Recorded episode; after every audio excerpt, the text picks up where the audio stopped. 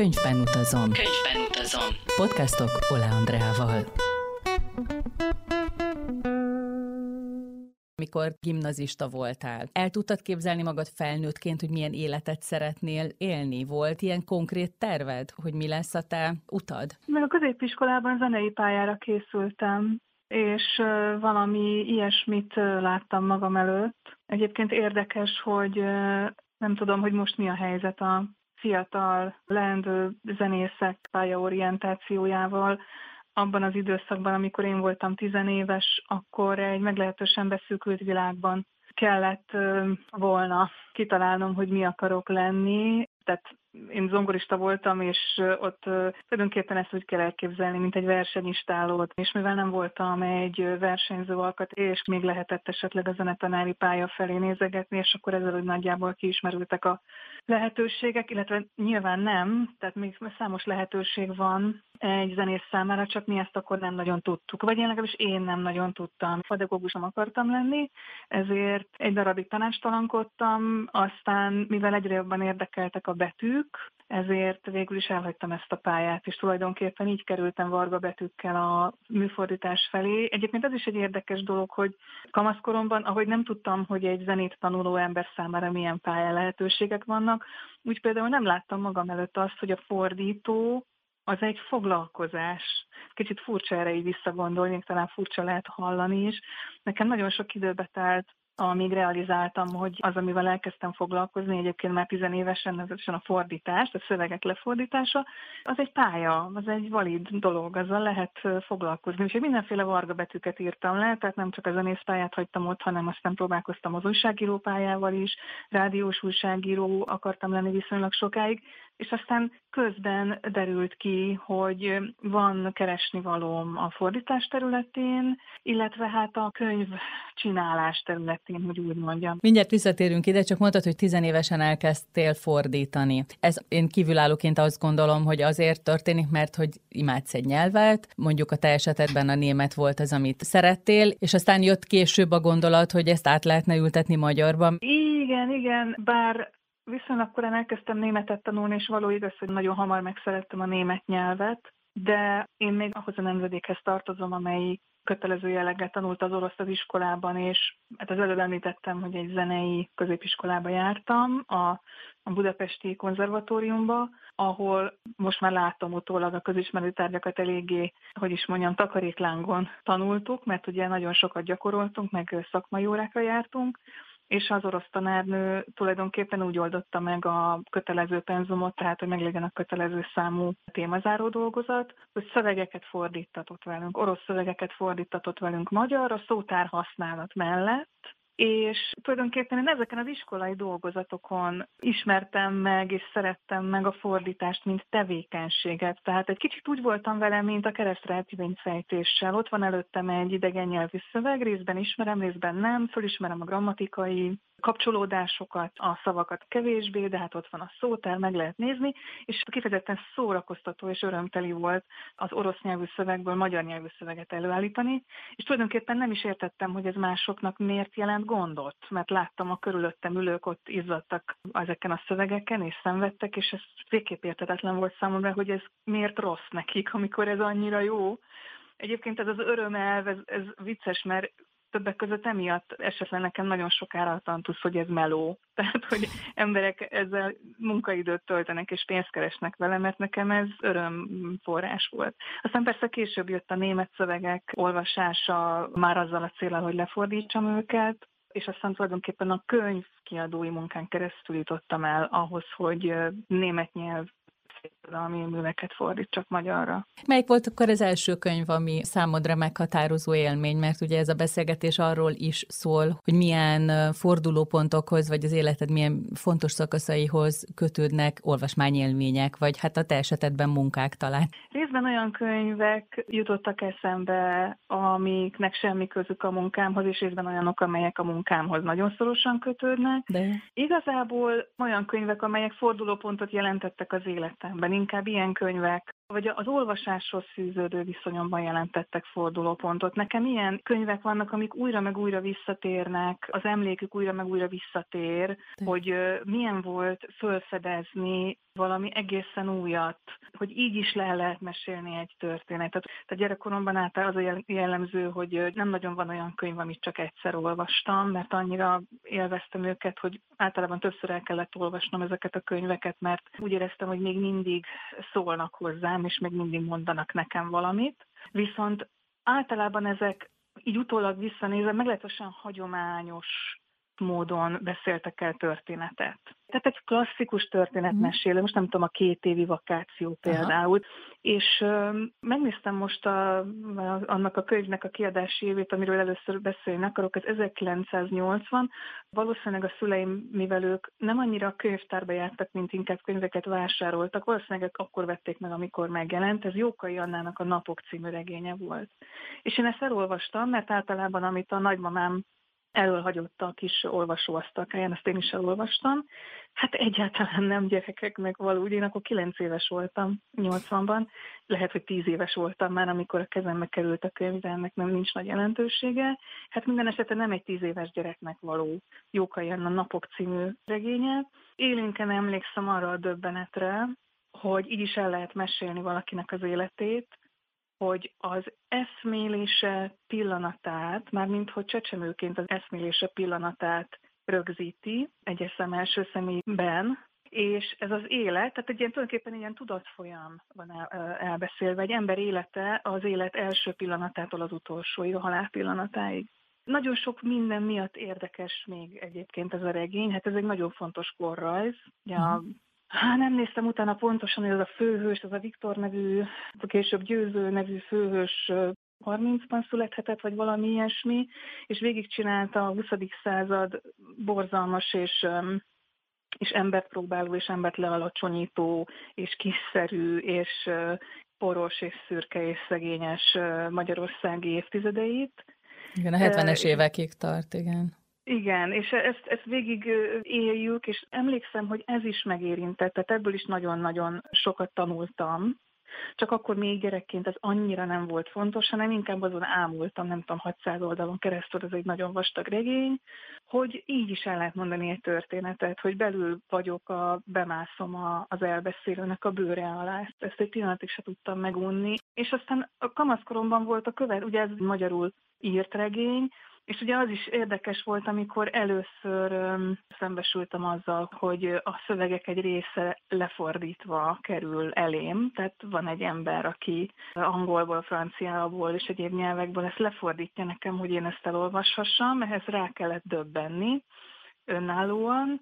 Egyébként nagyon szerettem olvasgatni a könyvnek a kolofon oldalát, vagy egy tehát mindig megnéztem, hogy ki szerkesztette például, valószínűleg azért, mert édesanyám kiadói szerkesztő volt, és volt valami lövésem róla, hogy ez mit jelent, és mindig megnéztem a az eredeti címet, hogyha lefordított könyvről volt szó, megnéztem a szerkesztő, az felelős szerkesztő nevét, meg hogy hány példányban nyomtatták ki, tudod, tízezer, a 80-as évekről beszélünk, Szóval az a következő nagy felismerés, hogy milyen fordítói bravúr révén válik azzá az elképesztően élvedetes szöveg. Ez pedig, mert egy kamaszkori élményem, a Boris Viannak a Tajtékos Napok című regénye, ami jó, hát nyilván az első szerelmemtől kaptam, persze, és nyilván az első szerelemhez kötődik, és együtt, együtt fedeztük fel, hogy, hogy milyen elképesztő humora van Bajomi Lázár Endrének, aki ezt a regényt lefordította. A szerelmemből aztán profi zenész lett, én meg pályaelhagyó, és hát ott, ott is egyébként ugyanez az élményem, meg volt egy párhuzamos élményem, mint ami a Jókai Anna regénynél, hogy így is lehet. Tehát ha belelapozol a regénybe, akkor azt látod, hogy a mondat elindul valahol, és kiköt valahol a szürreálisnak a világába. Most nem tudok szó szerint idézni a könyveddel valami ilyesmi, hogy Colin fésülje olyan barázdákat szántott a fiú hajába, ahogyan a földműves szántja a reggelire, a kenyerére kent baracklekvárba a villájával a varázdákat. Tehát, hogy először azt hiszed, hogy a, hogy a földműves hasonlattal fog jönni, és akkor biztos ő szántja a barázdát a földbe, de nem, hanem a földműves otthon reggelizik, és a baracklekváron húzza végig a villáját. Szóval ezek olyan elképesztő pörgések, örvények a szövegben, amitől én nagyjából a második mondatnál beleszerettem ebbe a könyvbe, és azóta is az egyik kedvencem, mert amúgy is egy fantasztikus könyv. Nem lettem Boris Fian rajongó, tehát a többi könyve nem, nem tetszett annyira, de de ez meghatározó, és akkor uh, itt, itt a fordítás itt már elkezdett azt hiszem uh, fontos lenni nekem. Igen, de gondolom, hogy akkor vált ez teljesé ez a kép, amikor eredetiben is tudod már olvasni a szöveget, és aztán mondjuk történetesen valaki más fordítását megnézed, és akkor tudod megállapítani, hogy ez igazán jó fordítása. Most már nehéz úgy, ez egy ilyen szakmai általom, nehezen tudok úgy olvasni fordított szöveget, hogy ne torpannék meg egy-két olyan fordulatnál, ahol azt feltételezem, hogy ez például egy tapadó fordítás, vagy nagyon ragaszkodik az eredetinek a szintaxisához, vagy esetleg itt nem, nem vett észre valamilyen állandó szókapcsolatot, ami egy kicsit mást jelent, tehát nem szó szerint uh, kellett volna lefordítani, hanem egy állandósult szókapcsolatot keresni a magyarban. Szóval ilyenkor az ember már elkezd pár év fordítás után elkezd egy kicsit így olvasni, ami egy picit uh, csökkenti a dolog élvezeti értékét, de hát Istenem, több nyelven kéne tudnom olvasni, és akkor nem, nem lenne ilyen problémák. Nem, de komolyra fordítva, hát azért, azért fantasztikus fordítói teljesítmények vannak, szóval én azért nem sírok amiatt, hogy Pincsen Széki János fordításában kell olvasni, rábízom magam szíves örömást, vagy Szőlősi Klára fordításában a német klasszikusokat én nagyon szívesen olvasom, holott el tudnám olvasni eredetiben is. Az, az egy másik fajta olvasási öröm, amikor az ember a saját anyanyelvén olvas.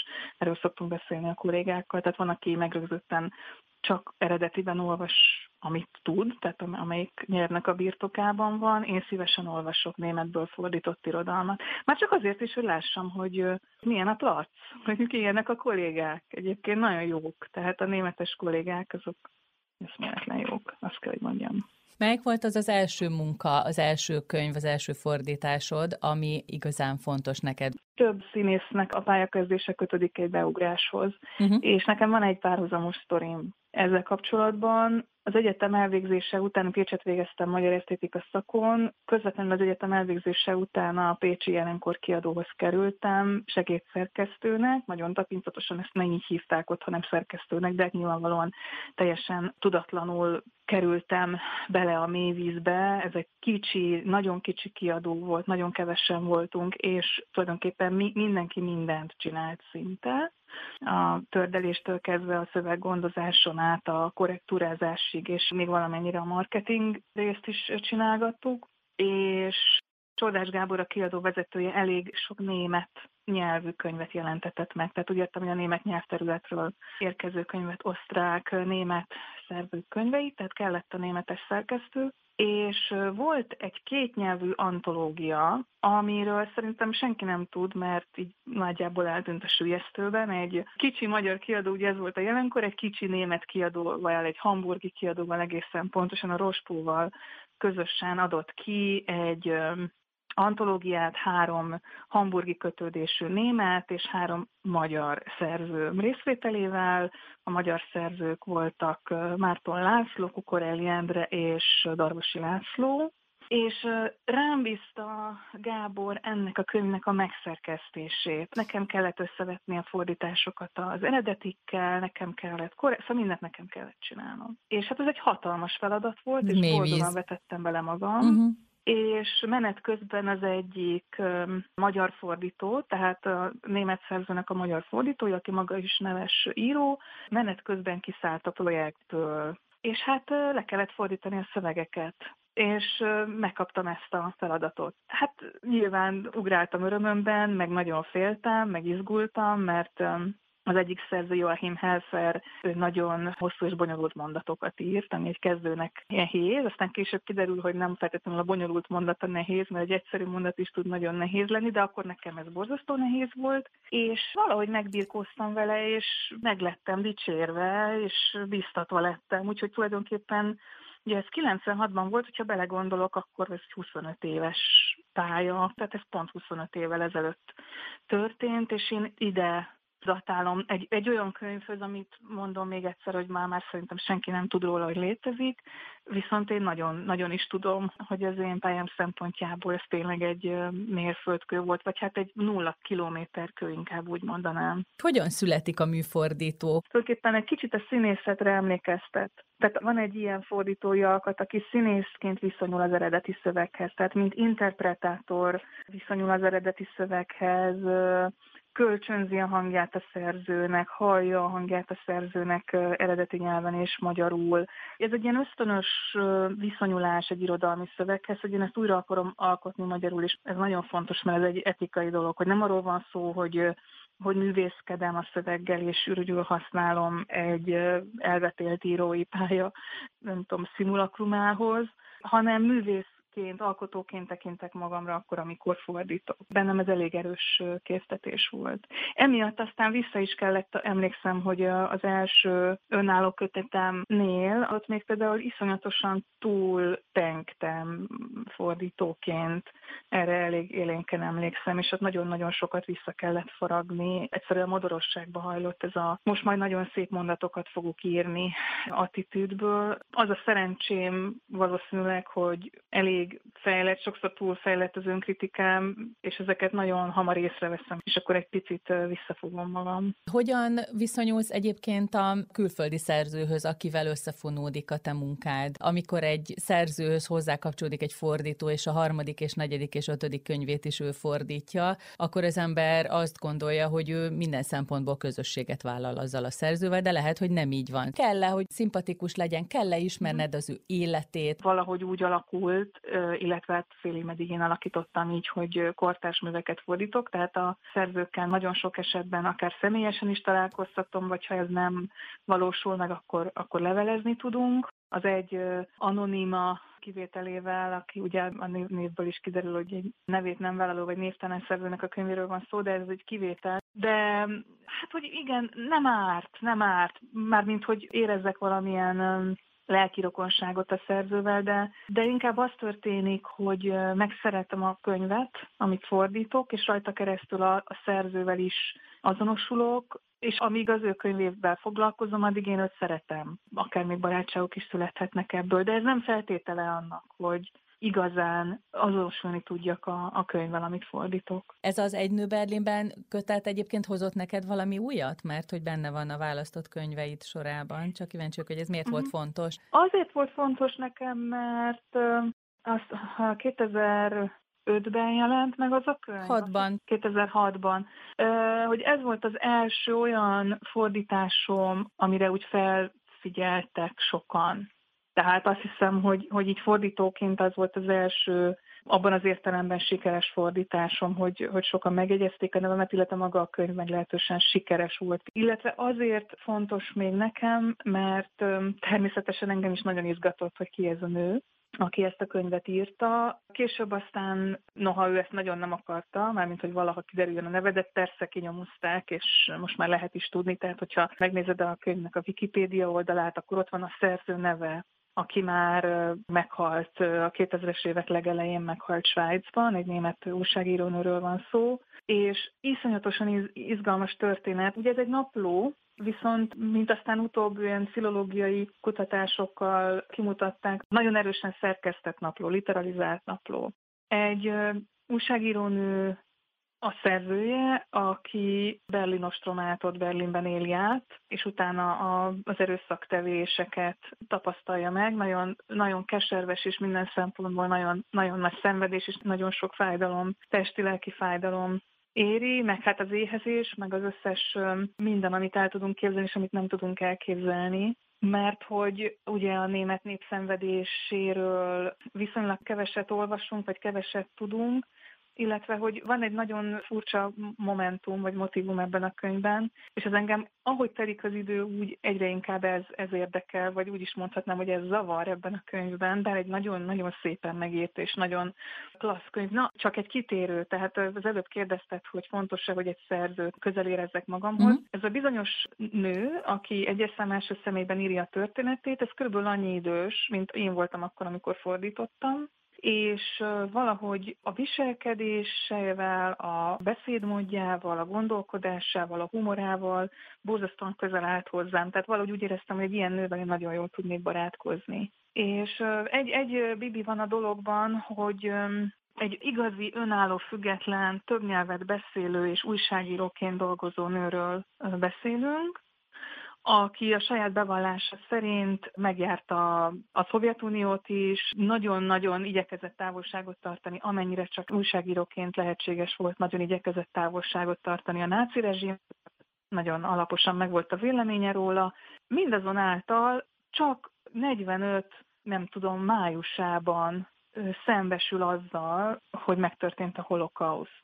És persze megdöbben, és, és zokog, és nem tér magához, és mit tudom én csoda. És ezt nagyon nehezen hiszem el neki.